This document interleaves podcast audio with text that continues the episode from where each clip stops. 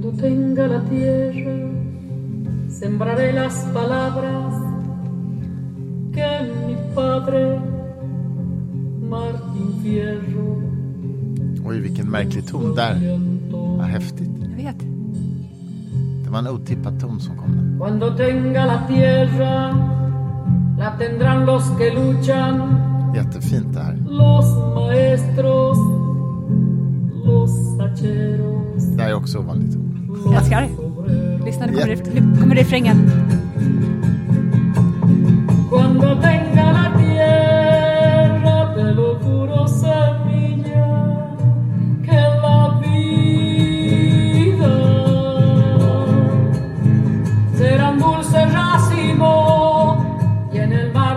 Ja, det är jättefint. Jag har ingen, ja, just det. Jag har ingen aning om vem det är. Alltså, det påminner lite om fado som är en här portugisisk flamenco väl, tror jag. En speciell genre. Vad är detta? Varför börjar jag skratta redan nu för? Ja, det undrar man. Välkomna först och främst till den Ja, gyllene just grenen. Det. det ska vi säga Med Christer. Sturmark och Victoria Larm.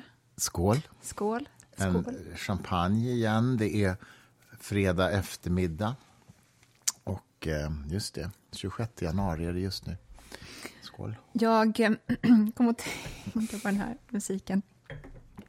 Den var fin faktiskt. Av en undermedveten anledning. Men det här är alltså Mercedes Sosa som var jättestor i eh, Latinamerika under 80 och 90-talet, även 70 kanske. Jag kommer lägga ut den låten som alla andra låtar vi alltid lägger ut på Mercedes Sosa. ja, Sosa, S-O-S-A. Vi har ju då den här spellistan på Spotify där vi lägger ut alla låtar som vi spelar i podden. Men hur jag upptäckte henne och den låten var för att jag blev så knockad av trailern till The Two Popes när den kom. Och eh, där spelas den låten. Den här Men- låten? Ja, men när det samt, den, The Two Popes kom ju för flera år sedan. Det här är väl tre, fyra år sedan tror jag. Men det är så fantastiskt vackra vyer i den här trailern. Och jag är extremt svag för trailers. Det är nästan ett av mina berättarfavorituttryck faktiskt. Just det att man berättar en berättelse på två och en halv minut ungefär. Man är väldigt effektiv i vad man väljer ut och sen så är det samma musik man använder sig av. Det är eh, ofta när jag skriver mina böcker och jag ska börja med ett nytt kapitel eller en ny scen, då tänker jag alltid om man skulle använda någonting från den här scenen nu till trailern, vad måste den innehålla då? För alla trailers innehåller alltid repliker som gör att man känner så här, huff, huff, känslan.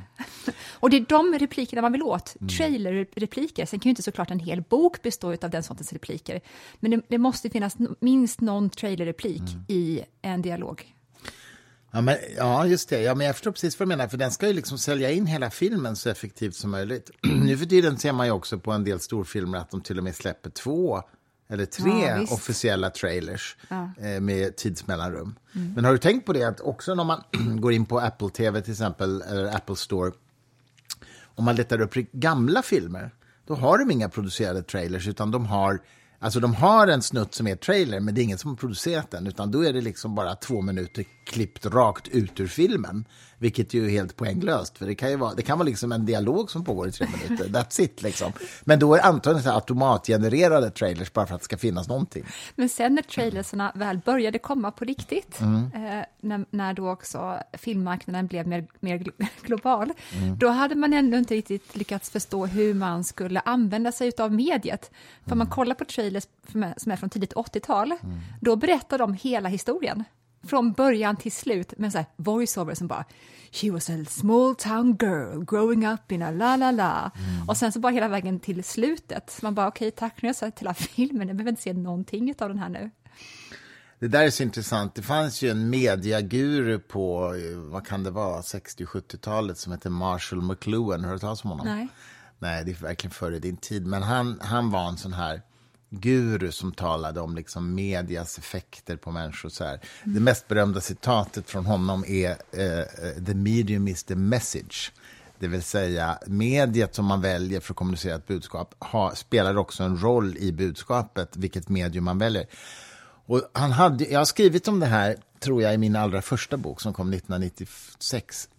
IT och renässansmänniskans återkomst. Att, tänk till exempel när, du, när filmkonsten uppfanns jämfört med skrivkonsten, alltså det som du håller på med som författare när du skriver en bok. Hur kan du använda själva mediet, det vill säga skrivkonsten, när du berättar din historia? Jo, du kan till exempel, som en del, det kommer ju ibland en konstig roman där det inte finns någon punkt, till exempel. Det är ju en effekt i historien, att det inte finns någon punkt. Mm. Jag kommer inte ihåg vem det är som just nu har kommit med en sån bok, men det är någon. Det är Daniel Schelin, gjorde det. Nej, han skrev en bok utan A. Just det, så var det.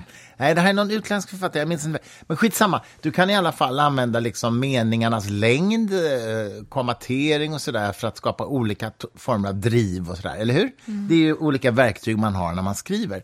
Men ta, ta filmkonsten när du berättar en historia. Då kan du använda till exempel kameraåkningar, ljussättning, du använder ju mycket det i dina böcker så att jag också för att du tänker dig dem som filmer. Men min poäng är egentligen bara att det, du kan ha samma budskap i, rent objektivt men du kan få förmedla helt olika känslor kring det budskapet genom egenskaper som kameraåkning eller ljussättning som inte finns i andra medier. Förstår du vad jag menar? Ja, visst. Och det, det här höll ju Marshall McLuhan på med. The medium is the message. Mm. Det är en del av budskapet. Ja, och även ifall det här är att stretcha det så är det ju mm. lite den uppgiften som man står inför som människa också. Och det är mm. att göra sig så pass bred som bara möjligt när man lever. Därför att ifall du bara utgår från dig själv hela mm. tiden och dina erfarenheter, då kommer inte du kunna möta och behandla situationer på bästa möjliga sätt för både den du pratar med och för dig själv. Så i den mån du är vig nog att förflytta dig själv se mm. saker uppifrån ibland, leva dig mm. in i någon annan människa, mm. Då kommer du också vara mycket mer skillad på att leva och få ett rikare liv. Och det är det som, jag minns en gammal, min gamla bästa vän som tyvärr är död nu, Sven-Erik, mm. han var ju så himla rolig för att Fast han var liksom världens känsligaste människa så var han ju också extremt rigid i sin syn på många saker. Han var ju också typ 40 år mm. äldre än jag. Mm. Men han liksom brukade prata om, när Nobelprisen kom ut, så brukade han alltid säga liksom att ja, men nu kommer de riktiga, riktiga Nobelprisen. Mm. Innan då ja, litteraturpriset i, ja, i Nobel. Ja, det för att det tyckte inte han var på riktigt. Och jag tror att många verkligen, för det är svårt att formulera varför litteraturen som metod att förstå sig på människan mm. är minst lika viktig som de forskningsrön som vetenskapen kan slänga upp. Mm. Och det är ju verkligen så att vad forskningen kan göra inte kan göra, eller vetenskapen inte kan göra, det är att jag eh, får en längre upplevelse av någon annan än mig själv.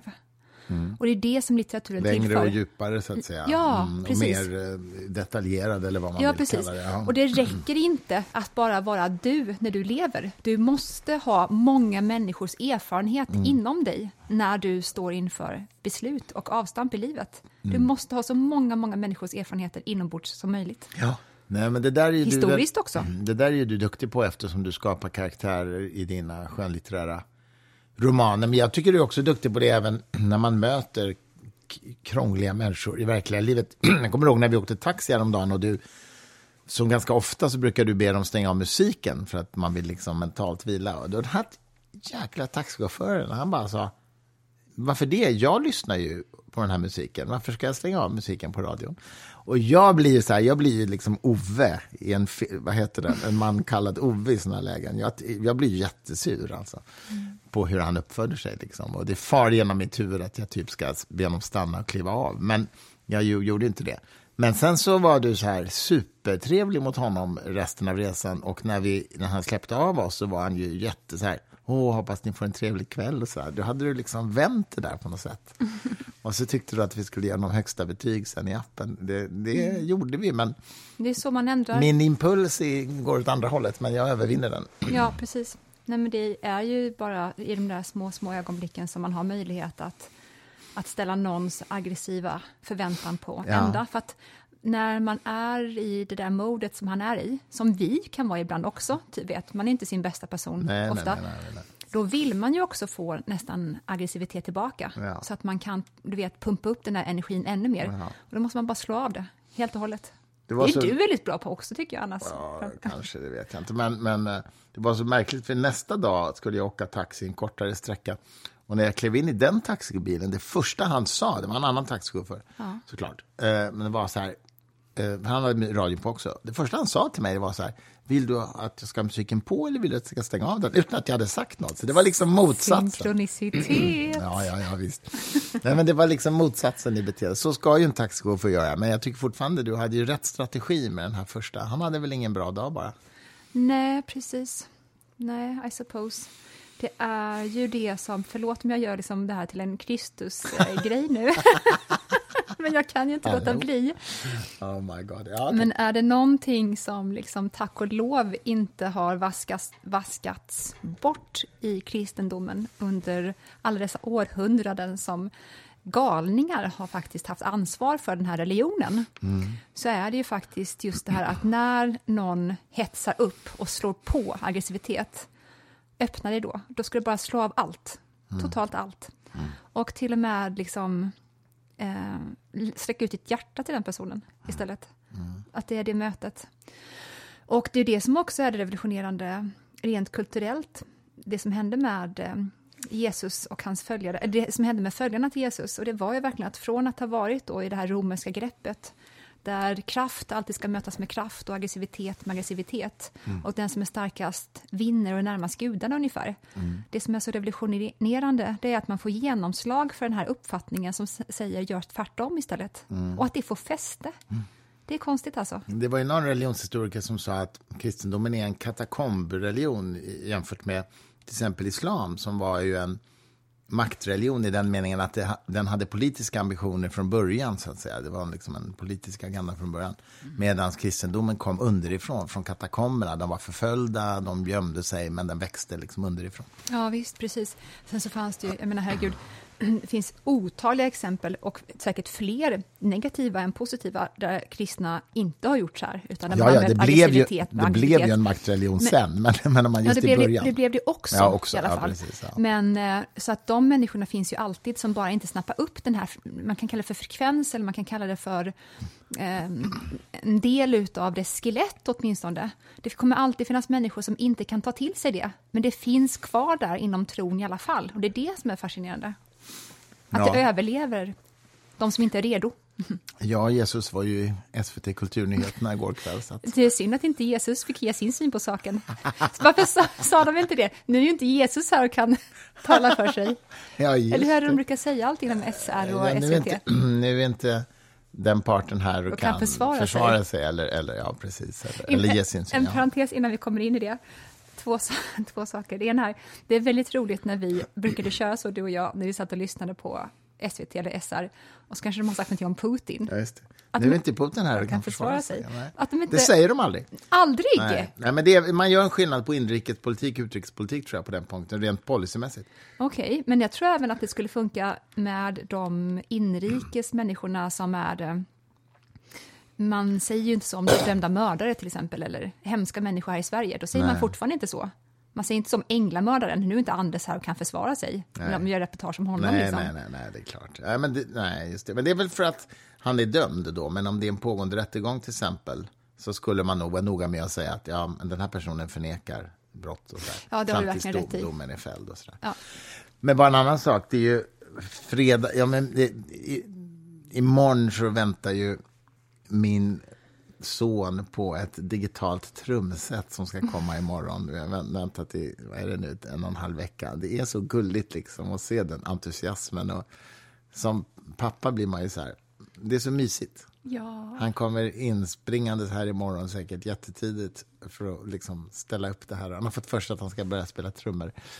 Och eh, har ju tack och lov för oss köpt ett digitalt trumset och inte ett Alltså, vanligt. de- den, de två, två Tur att sånt finns va? Ja, du, Mm. annars hade det inte blivit så mycket trummor kan jag säga. Men de två sekunderna då du inte hade sagt till mig att de var digitala, Ja, då du bara säger att ni har köpt ett trumset, jag bara, ko, dra mig långsamt efter. Ja, nej, men det är så här mysigt tycker jag. Han kommer vara så entusiastisk. Han ska skruva ihop det själv. Och, och apropå generationsfråga, jag sa så här, nej men det är klart, det ska du göra själv. Det kommer ju följa med en ma- manual om hur man monterar det. Han bara, vadå manual? Jag kollar på YouTube såklart. Det finns ju också sådana Men installations... gud, nu kände jag mig också videos. gammal. Ja, eller hur? Vi är nog båda gamla i relation till det i alla fall. God damn it. jo, men Kristus och Krister, Jag borde skrivit Christ and Christer. Det låter som ett dansband. Ja, Eller hur? Så happy clappy musik. Åh, herregud. Vad, Ja. Det har ju varit en ganska stor vecka för dig. Ja, men det är en stor grej. Jag har ju eh, varit rådgivare kan man säga och hjälpt Förbundet Humanisterna lite grann i den här processen under flera år att bli registrerat trossamfund i Sverige. Och det gick då igenom nu till slut efter eh, att vi överklagade till förvaltningsrätten för Kammarkollegiets avslag eh, och vann helt enkelt. Jag kan, vad jag tror, för jag vill verkligen prata om det här. Ja, visst. Vill du det? Ja, det, ja, ja, ja, ja. Jag. Eh, och jag har ju då Fråga den, mig. den fördelen, precis, eftersom du har levt med det här så länge Mm. och jag hade inte funderat en stund på eh, ett, att trossamfund fanns Nej. överhuvudtaget. Eh, två, att ni inte ens var med. Men är det okej ifall jag intar lyssnarnas eh, Mm, röst i det här? Ja, ja, det Okej, om vi börjar då, vad är ett trossamfund för någonting? Ja, det intressanta är ju att svensk lagstiftning, lagtext, är ganska oprecis med det här. Trossamfund definieras ungefär som ett samfund som bedriver religiös verksamhet. Då ska man veta att ett samfund är bara ett organisationsbegrepp. Du har ju till exempel Advokatsamfundet eller Samfundet om nio som är ett litterärt samfund och sådär. Och i den meningen är humanisterna också ett samfund. Men just trossamfund definieras som ett samfund som bedriver religiös verksamhet, till skillnad från advokatsamfundet. Eh, men då undrar man ju så här, ha, men vad är då religiös verksamhet? Och det är inte heller definierat egentligen i lagtexten. Det är, det är närmast definierat som en cirkeldefinition, nämligen man säger att, ett, att religiös verksamhet, ja det är sån verksamhet som bedrivs av trossamfund. Hör ni? Ja. Tänk att det är trossamfund är samfund som bedriver religiös verksamhet. Religiös verksamhet är verksamhet som bedrivs av ett trossamfund. Och inget mer, det står inget mer. Finns det inget mer som... Det är inte lika tydligt så som jag nu sa det, men om man läser alla texter samlat så blir det en sån här cirkeldefinition om man liksom kokar ner det. Och det, alla som har läst lite logik vet att en cirkeldefinition är ingen definition alls, därför att man definierar något i termer av det andra och det andra i termer av det första. Det går inte. Så, så grundfrågan är ju då förstås, ja men vad är då religion? Eh, för religiös verksamhet kan man ju anta är sån verksamhet som har med den religionen att göra i alla fall. Och det, visar, det är helt odefinierat i lagstiftningen. Religion är inte definierat. Det är inte definierat som en livsåskådning med gudstro, därför att eh, buddhister har ingen gudstro och de, har, de är ändå registrerade i trossamfund. Så i verkligheten så är det så att lagtillämpningen är ganska dysfunktionell. Det är konstiga organisationer som har blivit registrerade, AIK-förening till exempel. Samtidigt som humanisterna då fram tills nu inte har varit registrerade. Men nu, nu, nu är vi det. Och, eh, och jag skulle säga så här att själva begreppet religion eftersom det är odefinierat så kan man ju tänka sig olika definitioner. Om man definierade det som en livsåskådning där man har en teistisk guds, alltså en föreställning om en intelligent väsen och sådär, då spricker det ju för humanisterna, men då gör det ju det också för buddhisterna och många andra också för övrigt. Och för AIK. Och för AIK, precis. Och det finns någon som heter Det tomma rummets samfund, och så här, det spricker för dem också, om man läser deras stadier. Eh, och kopisterna som eh, hyllar internetkopiering, de är också registrerade som trossamfund. Va? Ja, ja, ja, men alltså det är det jag menar, det är knäppt va? Ehm, men nu är i alla fall vi registrerade. Och de här småföreningarna som vi nog är överens om är lite knasiga, det betyder ingenting för dem att de är registrerade trossamfund, för de får inte rätt till statligt stöd eller vigselrätt eller sånt, för att det krävs mycket mer för det. Det krävs att man har tillräckligt stort medlemsantal och verksamhet som är seriös och varaktig och utspridd i landet och allt, med alla möjliga kriterier. Problemet för vissa då, inte för humanisterna, det är ju att humanisterna uppfyller alla de här andra kriterierna. Så nu när de är registrerat trossamfund, då kan de också, då blir det väldigt svårt att neka dem statliga pengar och vigselrätt. Och, Humanisterna alltså. Det är svårt att neka ja, dem detta. Nu har ju humanisterna inte hunnit ansöka om det ännu, för att den här domen kom ju bara för en vecka sedan. Mm. Men det är ju det här som skapar ganska mycket Friktion. friktion helt enkelt. För att en del organisationer tycker det här är helt vansinnigt. Jag vet att Clapham-institutet som är en konservativ kristen tankesmedja, de gillar inte alls det här. Nej. Eh, Jag läste Susanna Birgersson som är borgerlig ledarskribent i Svenska Dagbladet som är bra för det mesta, men hon skrev på Twitter och tyckte inte alls om det här heller. Medan däremot biskopen i Västerås, Mikael Mogren, han, har, han tycker det här är rätt. Så att det, det, det ur mitt perspektiv lite kul för att man får stöd från kanske oväntat håll, eller åtminstone utifrån kan det verka oväntat, men också kritik från oväntat håll. Mm. Men eh, du återvänder ju ofta till begreppet livsåskådning. Ja. Vad är det man har när man har en genomtänkt livsåskådning? Mm. Men livsåskådning som begrepp brukar definieras som att det är en sammanhängande, deskriptiv och normativ dimension. Jag ska förklara de begreppen. Med deskriptiv dimension så menar man en sammanhängande beskrivning av vad verkligheten består av, hur verkligheten är beskaffad. En, um, verklighetens ontologi, som det heter på filosofispråk. Och man har också en sammanhängande epistemologi, alltså en syn på vad som är kunskap och hur man kan få kunskap. och sådär. Och sen en sammanhängande normativ dimension. Det innebär att man har liksom en, ett etos, man har en uppfattning om, om rätt och fel helt enkelt. Mm. Och i den kan det innefatta allt ifrån syn på miljöfrågor till djurrätt och mänskliga rättigheter såklart. Mm. Och, och en livsåskådning måste ha både en liksom något sånär fullständig, alltså så långt man kan fullständig, sån här deskriptiv dimension och en något sån här fullständig normativ dimension. Mm. Så därför kan man säga, det är till exempel inte livsåskådning att vara feminist, om man med feminist menar stå upp för män och kvinnors lika värde. Det är ju en åsikt som ingår i, ett, i en värdegrund, men den täcker för lite. Precis, så att för att det enda som den täcker om eh, ontologin det är att det finns en, ett patriark där ute i världen som människor rör sig i ett system efter. Ja. Men feminismen beskriver inte hur världen är beskaffad. Nej, precis. Eller, har, eller den har inte en uppfattning om hur världen är beskaffad. Nej, den säger, nej precis. Den säger ingenting om vad som existerar och inte existerar. Nej, eller, den, egentligen är det näst... eller hur den blev till, teori nej, om det. Exakt, precis mm. så. Man skulle säga att liksom en renodlad feminism, alltså om man bara menar män och kvinnors lika värde, det är bara en normativ dimension och det är bara en sakfråga, en speciell sakfråga. Ja, sen kan man lägga till att man tror att det finns ett patriarkat. Ja, Då är det också en deskriptiv dimension. Ja, Då har det lite av båda. Och därför går det inte heller, till exempel som Susanna Birgersson trodde, mm. att eh, nazisterna till exempel mm. skulle då kunna också vara en livsåskådning som blir registrerade. Och det stämmer ju inte heller, för att Nej. De, de har ju inte heller en uppfattning om världens uppbyggnad. Nej, precis. Exakt. Utan det är bara en normativ dimension. Mm. En, de har bara en moraluppfattning som vi tycker är väldigt omoralisk, men det är fortfarande en moraluppfattning. Ja. Och jag tror att många av dem, framför allt inom Svenska kyrkan, av någon anledning, eller jag vet inte ifall det är min uppfattning och att den är skev bara för att jag känner så många katoliker och att de, mm. alltid när vi pratar i alla fall, är pro att ni ska bli det här. Ja, det, mm. eh, det är nog min bild också. Mm. Medan människor från Svenska kyrkan är märkligt mycket smörkiga mot ja, en er. En del, inte alla ska vi säga. Nej, verkligen inte alla. Som sagt, biskopen i Västerås har varit pro det här i flera år. Ja, ja. men eh, det är som att många vägrar släppa sin uppfattning om humanisterna som en organisation som bara agerar i affekt mm. mot alla som upplever sig ha en gudsrelation mm. eller mm. lever i en, ett mm. religiöst tro, i en, ett samfund av religiös tro. Och att de inte förstår att det är inte bara det att ni, de uppfattar att ni agerar i affekt mot kristna, mm, mm. utan de tror också att ni inte har någon riktig uppfattning själva om det normativa eller det deskriptiva. Exakt. De, de vägrar se det.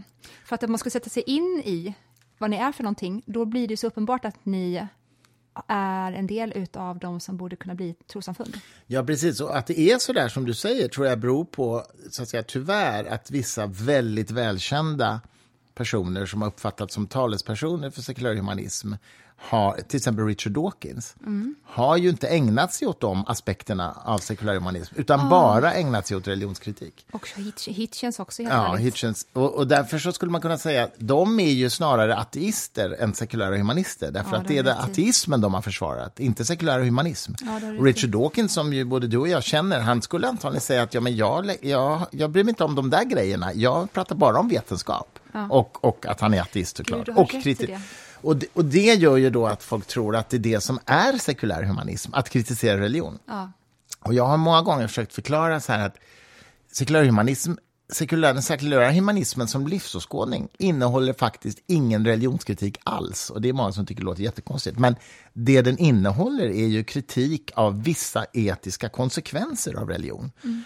Eh, till exempel kritiken av att homosexualitet är en synd, till exempel. Det är ju sekulärhumanister kritiska mot den ståndpunkten i regel. Och det skiljer ju inte någonting ifrån det omvända, att om du tar en väldigt fundamentalistisk kristen som, som skulle vara kritisk mot att sekulärhumanister tycker man ska tillåta samkönade äktenskap.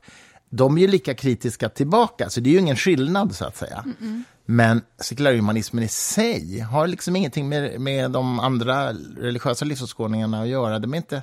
Ja, du fattar vad jag menar. Men så fort som eh, de här organisationernas eh, lära innebär att det blir en en, en, att människors lika värde inte ja. längre gäller då. Etiska konsekvenser då, kan man säga. Då hugger ni.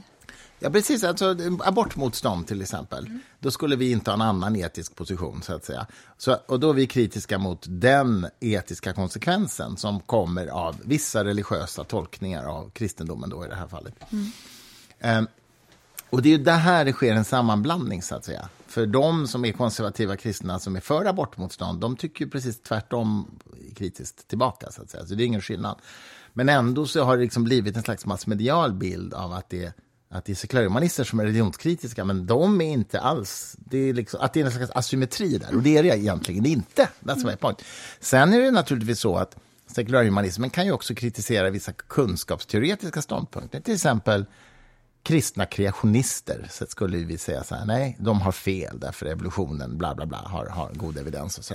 Mm. Så det kan vara både så att säga, etiska eller kunskapsteoretiska konsekvenser som man kritiserar. Mm. Men det centrala är ju att sekulärhumanismen står ju för en egen ståndpunkt, ett eget förhållningssätt och en egen värdegrund. Och ur statens synvinkel så måste det behandlas lika som då kristna, eller buddhistiska eller muslimska. Och det är det som vi först nu har uppnått mm. med den här domen då i förvaltningsrätten. Sam Harris är ju verkligen en person av de, är de fyra eller fem horsemen? Ja, fyra. Ja, när, de, när alla när levde de, fortfarande. Ja. Det är Sam Harris, Christopher Hitchens, Dennett. Daniel Dennett och vem var den fjärde? Var det Ian Hirschia Lee som räknades nej, in nej. där? Nej.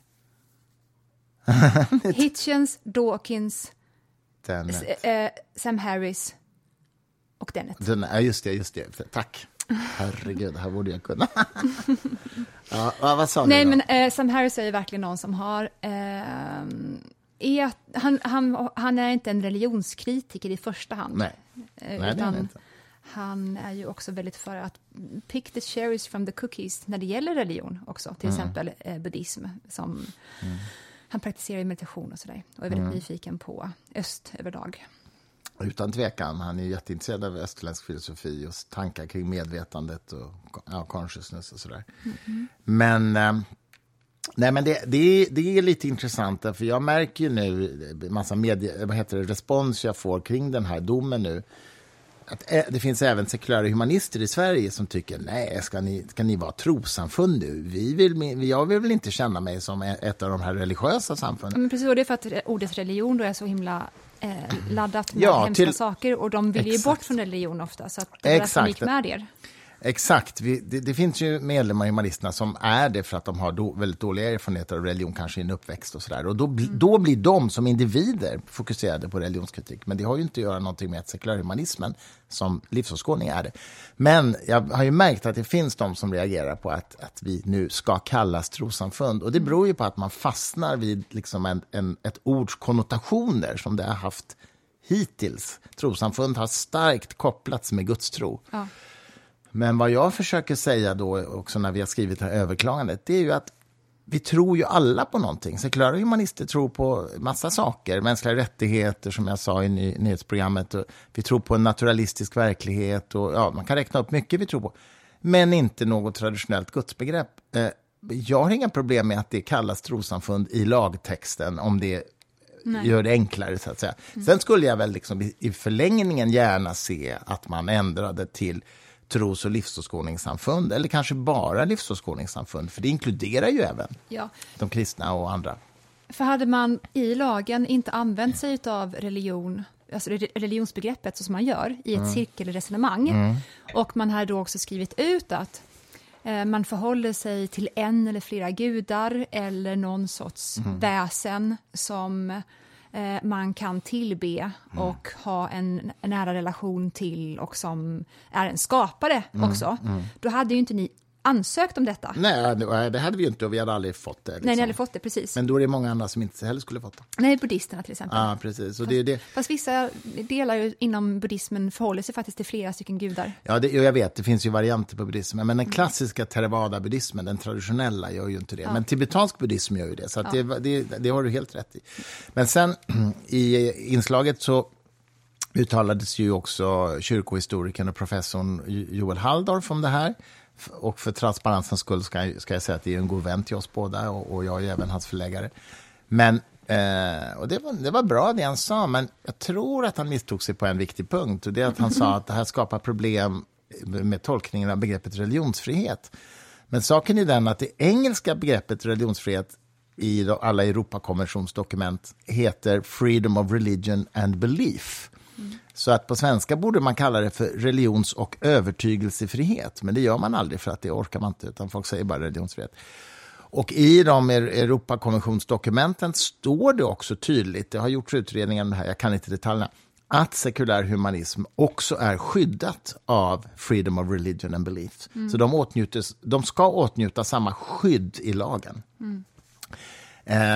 men jag ska prata med Joel om det där, men, men eh, som sagt, i Sverige har man liksom slentrianmässigt sagt religionsfrihet och så har man tänkt att det kan ju aldrig gälla för sekulär humanistövertygelsen. Men det gör det alltså. Jag kanske tolkar Joel fel också, men jag uppfattar det som att han eh, riktade orden mot att så ungefär nu är alla religiösa. Ja, han sa någonting om det. och eh, Ja, ifall man menar religiös så som det står i lagen, det vill säga det begreppet är tomt och för dig att fylla ungefär. Ja, det, exakt, Då ja. stämmer ju det. Ja, just det. Men ni skulle inte förknippa er med en religiös verksamhet eftersom de nästan alltid uteslutande förhåller sig till en gud. Nej, Men alltså- livsåskådning är ni ju. Ja, jag, jag skulle säga så här. Det, man, man kan välja vilken religionsdefinition man vill. Väljer man den sociologiska, att det är en sammanhängande etos och världsbild, då är vi det. Om det är definitionen på religion, då är vi det. Om, man alltså, om det, det är den minimalistiska definitionen, en sammanhängande etos och världsbild. Jag menar ju då att det är det som är definitionen på en livsåskådning. Mm. Eftersom de allra flesta människor tror, tänker att religion innefattar också tron på något gudaväsen av Ja, något slag. Absolut, Och då är vi inte det. absolut. Men det är den distinktionen som man, ja, den är lite blurry minst sagt i lagtexten. Får jag fråga om jag bara får förstå det här? För du nämnde det igår, men jag fattade inte helt hundra. Josefin Gregorius, eh, Gregorio, Gregorio, va? Gregorio Mm. Mm. inte Gregorius, eh, skrev på Twitter att nu kan, ni, nu kan ni inte längre hävda att ni är neutrala. Vad betyder Ja, det? det var intressant. Jag tror att hon gjorde en sammanblandning av begreppet sekulär humanism och begreppet sekulär. Eh, hon gjorde nog det här i koppling till skolan just därför att humanisterna har ju ofta sagt att vi vill inte ha konfessionella friskolor, alltså religiösa friskolor, därför att skolan ska vara neutral. Och med det menar ju vi inte att skolan ska vara sekulärhumanistisk, utan vi menar att skolan ska vara sekulär, nämligen eh, kanske ännu bättre att säga livsåskådningsneutral. Biologiläraren som undervisar om evolutionen ska inte säga att bakom evolutionen finns det en skapande gud, men han eller hon ska inte heller säga det finns ingen skapande gud bakom evolutionen. Inget av det ska han säga. Det får de diskutera på religionskunskapen. Eh, eh, och det, det menar jag, det är inte en sekulärhumanistisk hållning. För en sekulärhumanist skulle säga allt tyder på att det inte finns en skapande gud bakom evolutionen. Men det ska inte skolan säga. Och jag tror hon blandar ihop det där. Jag förstår. Vi får se om vi får något svar. Vi får se också nu om det här överklagas. Det här är ju ett domstolsbeslut som kan överklagas. Jag tror man har tre veckor på sig. Och, Vad hoppas du på? Eh, Det vore roligt om någon, om någon överklagade. Som jag skrev till någon på Twitter, det, är- det är väl ganska enkelt. Är bara att skicka in ett hållbart gudsbevis. Så, så tror jag de... Nej, det skrev jag ju på skoj såklart. Eh, ja, men jag vill ju gärna att det här diskuteras i det offentliga samtalet. Så att, eh, välkommen med överklaganden för den som känner för det. Ja, precis. För att så som lagstiftningen ser ut idag så spelar det ju inte roll ifall det finns ett gudsbevis eller inte. Nej, dessutom. Nej, Dessutom. pre- precis, för staten ska ju nämligen... Exakt, du har helt rätt i det. Ja. Livsåskådningar måste ju få ha fel och ändå ha samma rätt, Absolut. rätt som de som har rätt. Ja. Good point. Ja. Vad hände mer? Vad har hänt mer då sen sist? Sen sist. Eh, sen sist vi poddade? Jag försöker... Jo, vi måste bara säga ett par saker om Vi har ju börjat kolla på True Detective. Det har vi inte pratat om ännu, va? Alltså, men ni, alltså, ni måste se den nya. Det är faktiskt maffigt. Jag är så kär i Jod- i Jodie Foster igen. Lite scary, lite så övernaturliga vibbar. Jag tycker ju om det så länge det är fiction. Eh, Du gillar inte övernaturlighet när det är på riktigt alltså? Tur att du gjorde det klart. Det är för de andra religionerna håller på med. Övernaturligheter som är på riktigt. Precis. Ja, det är tur att det är på låtsas i alla fall. Tur att det är på låtsas. Ja, Ja, ja. ja, men den är bra, den är häftig. Ja, det är verkligen bra. Sen är jag jättesugen på att se den här nya filmen Poor Things. En modern. Mm, Frankenstein-berättelse. Du, du visste vem det var som har gjort den? Ja, men det är han som har gjort den greken. Ja, The Favourite som jag alltid tjatar om, som är det här lesbiska dramat med Emma Stone och ehm, ja, jag har pratat om den så mycket. Bra film. Det är från den filmen som jag faktiskt hittade musiken som vi alltid brukar spela när vi kör våra livegrejer. Mhm. Ehm, I alla fall. Vi ska ju ha live-grejer nu, det kan vi väl ändå säga? Jo, vi kan säga det, men vi ska inte säga vilka datum än, sa du till mig. För du sa Nej, att vi skulle, vi skulle vänta med det. Men det blir mars och april i alla fall. Vi vet inte 100% Det datum blir ännu. på Soho House. Soho House i Stockholm. Vi öppnar, och då är det ju så, det är ju som sagt annars en medlemsklubb, men då är det så att alla som vill komma, eh, då öppnas det upp för dem. Så att Vi det blir kommer, en- det kommer gå att få information om detta. Ehm, Bland annat kommer Fri Tanke gå ut med i nyhetsbrev och sådär. Eh, Så att om ni följer Fri Tankes nyhetsbrev så kommer ni få information om när detta sker. Men det blir i alla fall i mars och april. Och sen kommer också din bokrelease vara där i maj. Precis, som vi kommer bjuda in er till också. Ja, självklart. Faktiskt. självklart. kommer bli med alla roliga människor och nära vänner och med er hoppas vi. Men det kommer bli mer information om det snart också. Du sa till mig igår att du ville prata lite grann om Marie-Louise von Franz. Vem var denna kvinna? Jag, jag kände det igår för att jag hade en ensam kväll. Du var ute och då bara var jag hemma och grät hela tiden. För att jag var så olycklig. Jag var inte jag ensam. ute i betydelsen var så ute på krogen. Jag jobbade, vill jag understryka. Hur, hur tycker du att det är att leva med någon som är så himla dramatisk hela tiden? Fast, på, fast typ på skoj. Att jag alltid så här, att jag skickar sms till dig dagligen där det bara är en gubbe-emoji som storgråter. Typ, var är du? Storgråter. Vi hade ett bokevent igår kväll, så jag jobbade. Men okej. Eller att du typ så här råkar gå förbi mig och att du råkar nudda min axel och du är så här, aj, jag är jätteskadad, jag behöver vård, sådana grejer. Det är jättekonstigt. Jag vet inte, jag vet inte var den personen kommer ifrån, men det är någonting jätteroligt. Men det kanske har att göra med att du är så försiktig med mig och Mm. kärleksfull och underbar. Så att Kanske. det blir extra roligt att typ låtsas att du har slagit mig i huvudet. det är ju det. Hallå, Marie-Louise von. Franz var det. Okej, du var ute igår eh, på jobb och då som vanligt, vad gör jag då när du är borta? Jo, jag sitter... Hon kollade någon dokumentär om Jung eller hans lärjungar. Jag misstänker att det här är en lärjunge. Ja, men, jag misstänker att det här är en lärjunge. Bara avis på att han hade lärjungar och inte du. Garanterat. Eller hade du förresten lärjungar när du var humanisternas Kan man... store ledare? Hallå? Oh, wise man. Oh, nej, jag ska berätta, men eh, eftersom jag har en sån här hjärna som jag har Mm. så måste ni först tyvärr höra på en sak som jag tänkt på som vi pratade om trailergrejerna. Mm. Och det är att jag får verkligen väldigt lätt bättre filmupplevelse av trailers än att se en hel film. Mm. Och ett exempel på det, det här verkligen trailern har påverkat mig mer än filmen, det är ju, kanske sagt det här tidigare, The Master med Philip Seymour Hoffman och Joaquin, Joaquin Phoenix. Och jag minns när jag satt i salongen och den här trailern kommer. Jag ska lägga ut musiken från den trailern också. Den här musiken kommer och det är den underbaraste rösten som sjunger den vackraste låten från 50-talet som heter No other love. Och till den här musiken så springer Joaquin Phoenix allt vad han orkar över ett fält i blått ljus. Och det är, det är som att jag är träffad av ett skott rakt i bröstkorgen och jag bara gråter. Jag är helt öppen där. Och det är en sån chockupplevelse av skönhet på alla sätt. Och sen är det över. Sen såg jag filmen. Blev inte berörd en stund överhuvudtaget. Ingenting. Nej. Varför då?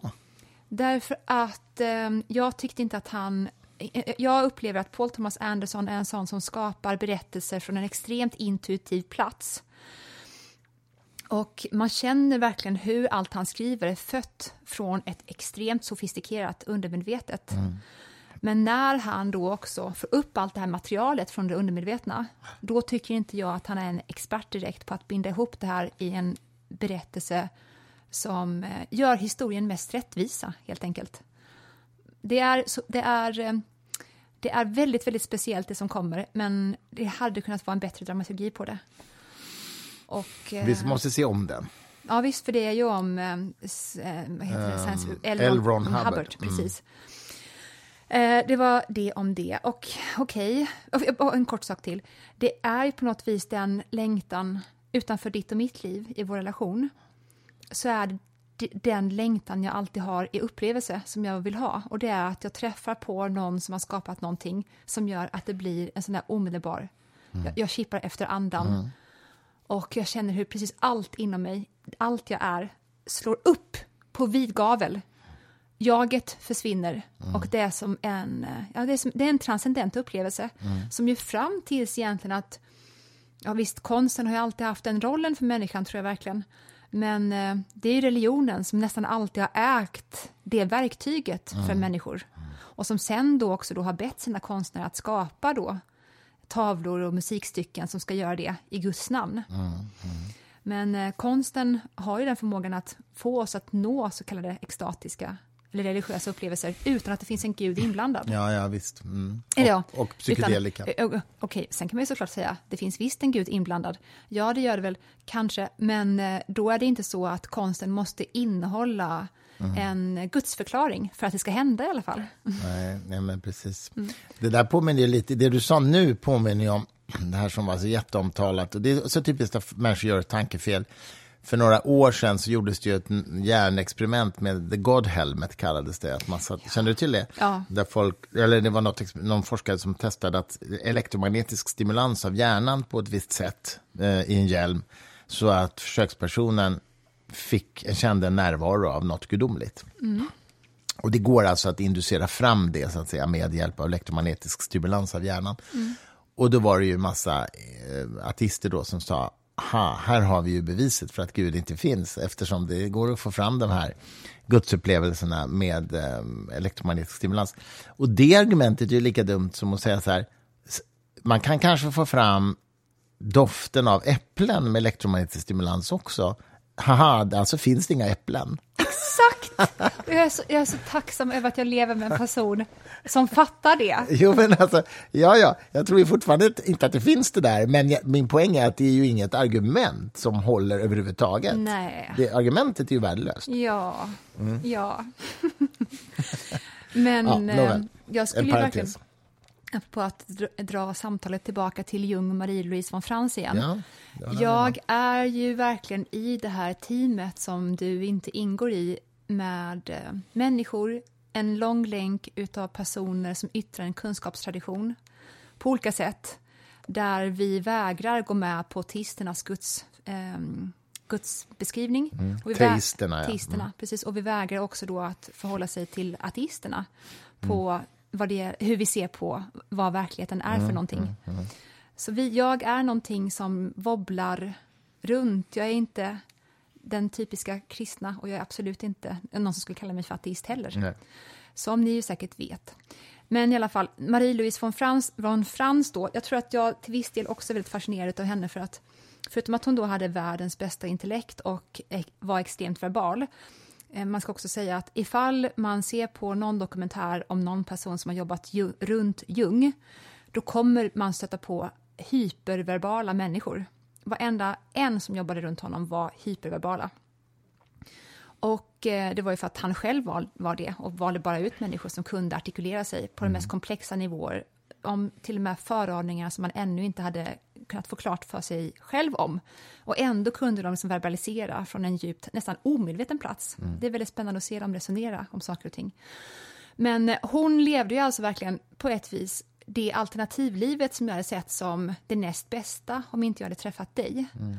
Därför att ehm, då var det så att hon och hennes skolklass träffade ibland Jung. Detta är alltså på liksom... Var hon lärare alltså? Nej, hon var barn Jaha. i den klassen, mm. eller ungdom var hon.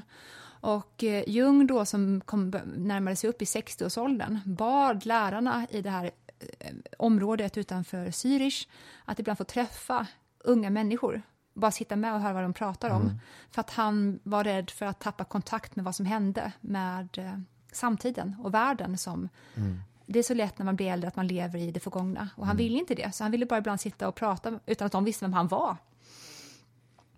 Och eh, i en av de här klasserna så fanns då Marie-Louise von Frans. Och hennes föräldrar var, hade ingen akademisk bakgrund, de var inte religiösa.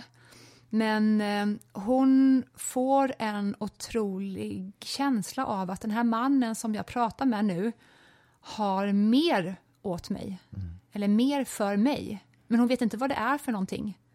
Och det kan man ju känna, som du också har känt ofta med människor som är äldre.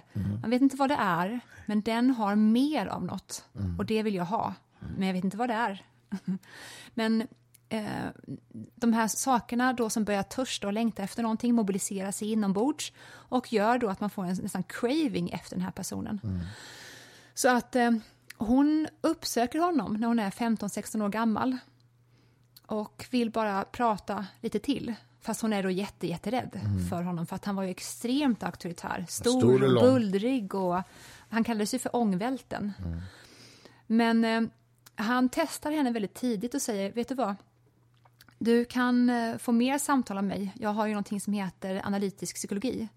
Och om du vill kan du få börja gå och prata med mig ibland. Mot att du översätter den här boken åt mig.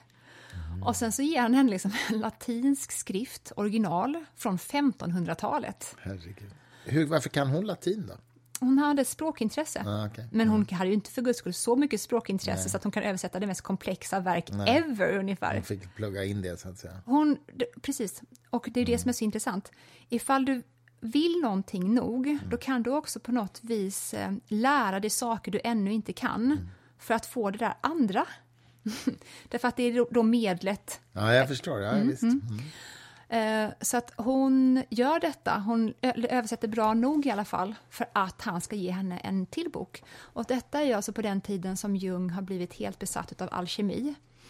Och då är det ju inte den alkemin som man tror att alkemi är. Det Den populärkulturens alkemi är det inte. Ja. Nej. Just det. Och ni där ute kanske vet det här och förlåt i så fall, men då får ni bara liksom hänga med när jag berättar för er andra som inte är besatta utav just Gustav Jungs senare år och liv. och det är ju så då att han går från att ha utforskat arketypbegreppet så, och skrivit The Red Book and the Black Book så går han vidare till att bli besatt av alkemi efter att han har läst en kinesisk bok som heter The Golden Flower. Ja, den var ju inte på kinesiska då såklart. Den var på tyska. Och eh, där börjar han på något vis koppla ihop att allting som han har läst och förstått om människors inre process påminner till punkt och pricka om den alkemiska processen. Det är bara det att man i väst i alla fall har förhållit sig till alkemi eh, som någonting som ska förändra, förändra grundmetallerna på ett sådant sätt så att guld uppstår. Ja, det. Och det är det här som Jung ser att det är typiskt människan. Alltid ska vi göra så här om och om igen. Att allt det inre ska vi missförstå för det yttre. Och det är inte alls guld i faktisk form som alkemi- kemisterna menade egentligen, utan det är snarare individuation. Det är den inre processen som ska bli till. Och det är det som är guldet, eller det gröna guldet till och med, som många alkemiker sa. Det var liksom inte gult guld, utan det gröna guldet. Och eh, då är det, om inte jag minns fel, 11 eller 12 steg som man går igenom om man vågar ta sig an, eh, äventyret att ge sig ut på den här livsresan. Vilket ju också finns representerat i dramaturgi och i Tolkiens värld och sådär. Dramaturgin är ju egentligen bara en spegling av individu- individuationen. Men den här kinesiska alkemisten, Mm. vet du vem det var som hade skrivit den? Liksom? The Golden, nej jag vet inte vem då som hade skrivit den. Men, eh, Och liksom när han levde och så, menar jag. Ja, innan medeltiden i alla fall. Ja, okej. Men saken var det att det var så mycket handelsförbindelser mellan Kina och Europa och har varit under väldigt, väldigt lång tid också. Så att de idéerna som vi hade här, hade man ofta där. Man vet inte riktigt var någonting började Nej, och var det det- andra slutade. Det fanns Heller. ett utbyte, så att säga. Mm. Ja, ja. Jag Så att fattar. Mm. när Jung då på ålderns höst börjar bli besatt av vad alkemi så att säga egentligen är för någonting, då tar han eh, Barbara Hanna är en annan sån här underbar person som också finns mycket om på Youtube. Och då Marie-Louise von Frans, och de är liksom då i 20-årsåldern. Så att han liksom tränat upp dem att förstå det här språket som han arbetar inom. Och de blir liksom hans assistenter kan man säga. Forskarassistenter tills att han dör. Men hon översätter den här boken alltså? Ja, men det är inte den, den boken som hon Nej, översätter, det, utan det, annan. ja, ja, och många flera sen. Lätt- Ja. Ehm, och jag ska också lägga ut, om det går någonstans, hon pratar väldigt intressant om det här med eh, det maskulina och det feminina. Och det är också så himla speciellt att vi nu bara, när jag ska prata om det här nu, så blir jag lite ängslig, för att det känns så tabubelagt att prata om det feminina och det maskulina. Ja. men som ni kanske har begripit av mina samtal med Christer under podden tidigare, så tror ju inte jag att kön bara är en social konstruktion. Nej, Och den åsikten tror är... inte jag heller. Nej. Och den åsikten finns ju tyvärr då... Det, det är ju bra att den finns representerad.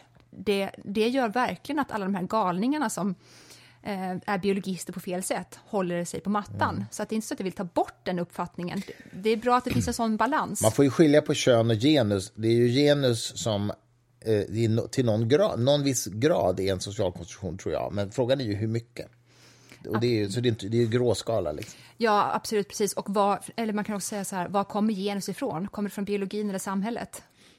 Och jag tror att det är både och. Ja, men det tror jag också. Ja. Absolut. Så det är ju liksom bara frågan om liksom procentfördelningen där. Alltså, och det är ju, det är ju och tyvärr- där kanske vi skiljer oss åt Ja, ja, det kan hända. Det, jo, det gör vi nog.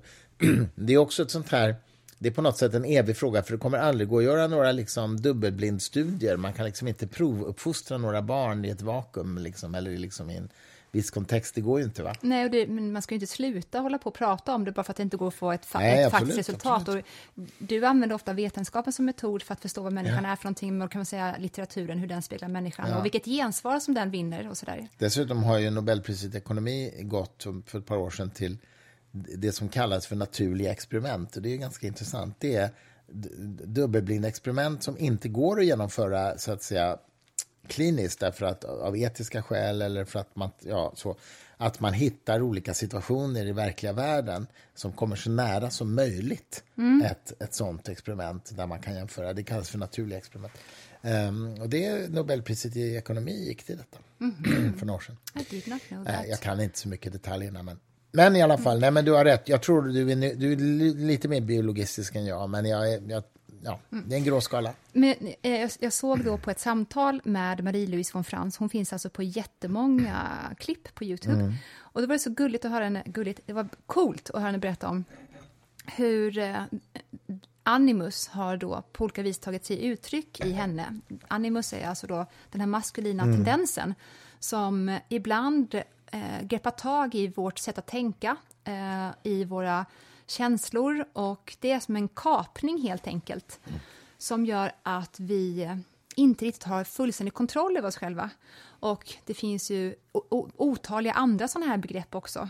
Eh, till exempel ifall någon gammal, eh, trauma från barndomen kan ju återaktiveras i ett samtal. Då är det någonting som tar kontroll över oss i vårt sätt att reagera och vår oförmåga att reflektera i stunden. Och vi blir väldigt fyllet av känslor. Då är det en sån sak som kapar oss och tar oss. Men animus är då den här maskulina, kan man säga nästan, begreppsprincipen som ibland bara slår till och gör att vi börjar tänka och bete oss efter ett visst ramverk. Och det finns då såklart, eftersom det är jungianism, en ljus sida i det och en mörk sida utav det. Den mörka sidan utav animus är ju den då som är extremt Destruktiv. Ja, men det, när man pratar om toxisk maskulinitet Mm, idag, då är ju det den mörka sidan utav animus. Och eh, problemet då med eh, kanske samtal om detta är att förstå att man inte förstår att det finns en ljus sida av animus också. Och man ska ta bort allting som är så kallat maskulint och det är förbjudet. Och eh, man ska man ska relativisera allting som skulle kunna vara manligt också. Men när Marie-Louise von Frans då berättade om sin ljusa sida utav animus, då var det på det här viset, för att om jag tar ett praktiskt exempel så blir det mer tillgängligt. Hon funderade på att köpa en bit mark, en bit från Jungs sommarställe. Och eh, hon tog alla besparingar hon hade och eh, sa till den här markägaren att jag har inte mer, men eh, om du ändå kan tänka dig att sälja det här till mig så skulle jag bli överlycklig. Han säger att han ska ta fram ett kontrakt och de ska skriva kontrakt på det här på morgondagen. Under natten, då slår Marie-Louise von Frans Anima till. Och då är det då hennes kvinnliga sida. Och den mörka sidan av den kvinnliga sidan, det är ju att man blir neurotisk och går allt för mycket upp i oro. Man går allt för mycket upp i tänk om, tänk om, tänk om, tänk om. Och om jag, om jag, om jag, tänk om, tänk om, tänk om. Och eh, sen på natten då så lyckas hon somna en stund orolig för att hon då ska genomföra det här husköpet och tänker för liksom alla mina besparingar borta nu och hur ska det gå för mig sen, bla bla bla, allt det där. Men eh, då på natten så drömmer hon om eh, en skidåkare som åker över Alperna. Hon står och ser honom på långt håll och han hoppar liksom över enorma klippor. Och hon så bara häpnar över den här varelsen som klarar av allt det här. Mm. Och sen så till slut, efter en lång stund, så kommer han fram till henne och du vet, tvärnitar sig i snön. Och då säger hon bara till honom, Gud, hur klarar du av det där? Och då sa han bara, det var inte så svårt, det är bara att hoppa. så det var då, enligt jungianismen, hennes maskulina inre sida som uppmanade henne till att få den feminina delen, den feminina mörka, mm. att lägga sig ner. Och då kan man använda sig av den positiva, positiva maskuliniteten genom att eh, då men våga ta sig an saker som man i normala fall inte skulle våga. Och det där tror jag är ganska klarlagt biologiskt, att det är en eh, på gruppnivå skillnad i riskbenägenhet mellan precis, män och kvinnor. På precis. gruppnivå fortfarande, ja. det kan ju skilja individuellt, men på gruppnivå är det en skillnad. Ja, och jag tror verkligen att det till största del såklart, och det här så uppenbart har att göra med att vi har behövt ha översikt, inte bara över oss själva, utan även det lilla vi bär. Ja, Barnet Medan männen var jagade och de behövde ja. ju våga ta risker, annars ja, blir ingen mat. Liksom. Så att vi har behövt kolla konstant det här och det här och det här och det här, mm. det här och det en del av det kvinnliga. Det är ju helt logiskt. Ja, liksom. ja. och jag tror, eh, sen så kan man ju då såklart säga att Nej, jag ska inte gå dit. Vi behöver inte gå dit. Mm. I alla fall, då så köpte hon den här bitmarken och mm. där bodde hon tillsammans med Barbara Hanna och deras jätte, jättefula engelska bulldog som jag tycker också är jättesöt. Tills att hon dog. Aha. Men eh, är man intresserad om, av det inre arbetet som individuationsprocessen är, om man har en aning om att Sokrates kanske hade rätt, att den vi är kom vi in i livet som och resten av livet går åt till att svarva fram den personen. Vilket ju då är egentligen motsatsen till allt vi fick höra eh, när vi gick i skolan på 80 och 90-talet, det vill säga mm. var dig själv. Istället borde man ju säga bli den du är. Bli den du är. Det är väl som det står över något tempel. Känn dig själv, står det. Just det. Känn dig själv, mm. ja. Antikens ja, tempel. Ja, men ja, det är också, det känn dig själv är bra också, för det tyder på en resa. Det tyder visst. på en aktivitet du måste utföra. Mm.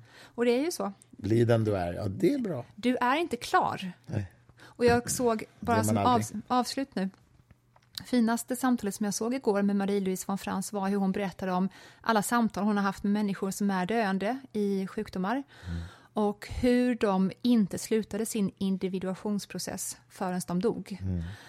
Eh, de, framför allt kanske när man är döende så är det extra viktigt att måna om det sista man kan göra med sig själv. Mm. när dog hon? Vet du det ungefär? Ja, nej, 80, 80 kanske? 80, ja. Mm ganska sent. Det här finns på Youtube. Det här finns på Youtube. Vi har fortfarande satt ihop en lista över filmer och föreläsningar vi ska rekommendera, men någon dag händer det. Någon dag händer det. Eh, nu ska vi gå och laga lite god mat. Och sen ska vi spela, vi ska la, spela schack sen. Det har vi inte gjort på flera dagar jag faktiskt, vet. för det har varit så mycket annat. Asiatisk torsk ska du få ikväll. Asiatisk torsk ska jag få. Mm, det är bra. Mm. Har ni inte sett The Two Popes så ser du ser det. Det, var, vet, Just det. Vet det är alltså Ratzinger och, eh, vad heter han? Den nuvarande. Bergoglio, Franciscus. Just det, Franciscus. Mm. Det var, jag, råk, jag sa kanske till någon katolik någon gång, apropå att den här filmen var så populär, så sa jag, jag vet till vem, du vet han som är präst. Mm, jag vet, jag så vet, sa jag, jag men man skulle köra, köra Fuck, marry, kill med de som är med i filmen då. Nej, men gud. Han bara, nej. alltså, hallå. Det är din fru det. Ha i alla fall en jättefin söndag. Ta hand om er och tack för att ni lyssnar. Tack för denna gång. Sembraré las palabras que mi padre Martín Fierro puso al viento. Cuando tenga la tierra, la tendrán los que luchan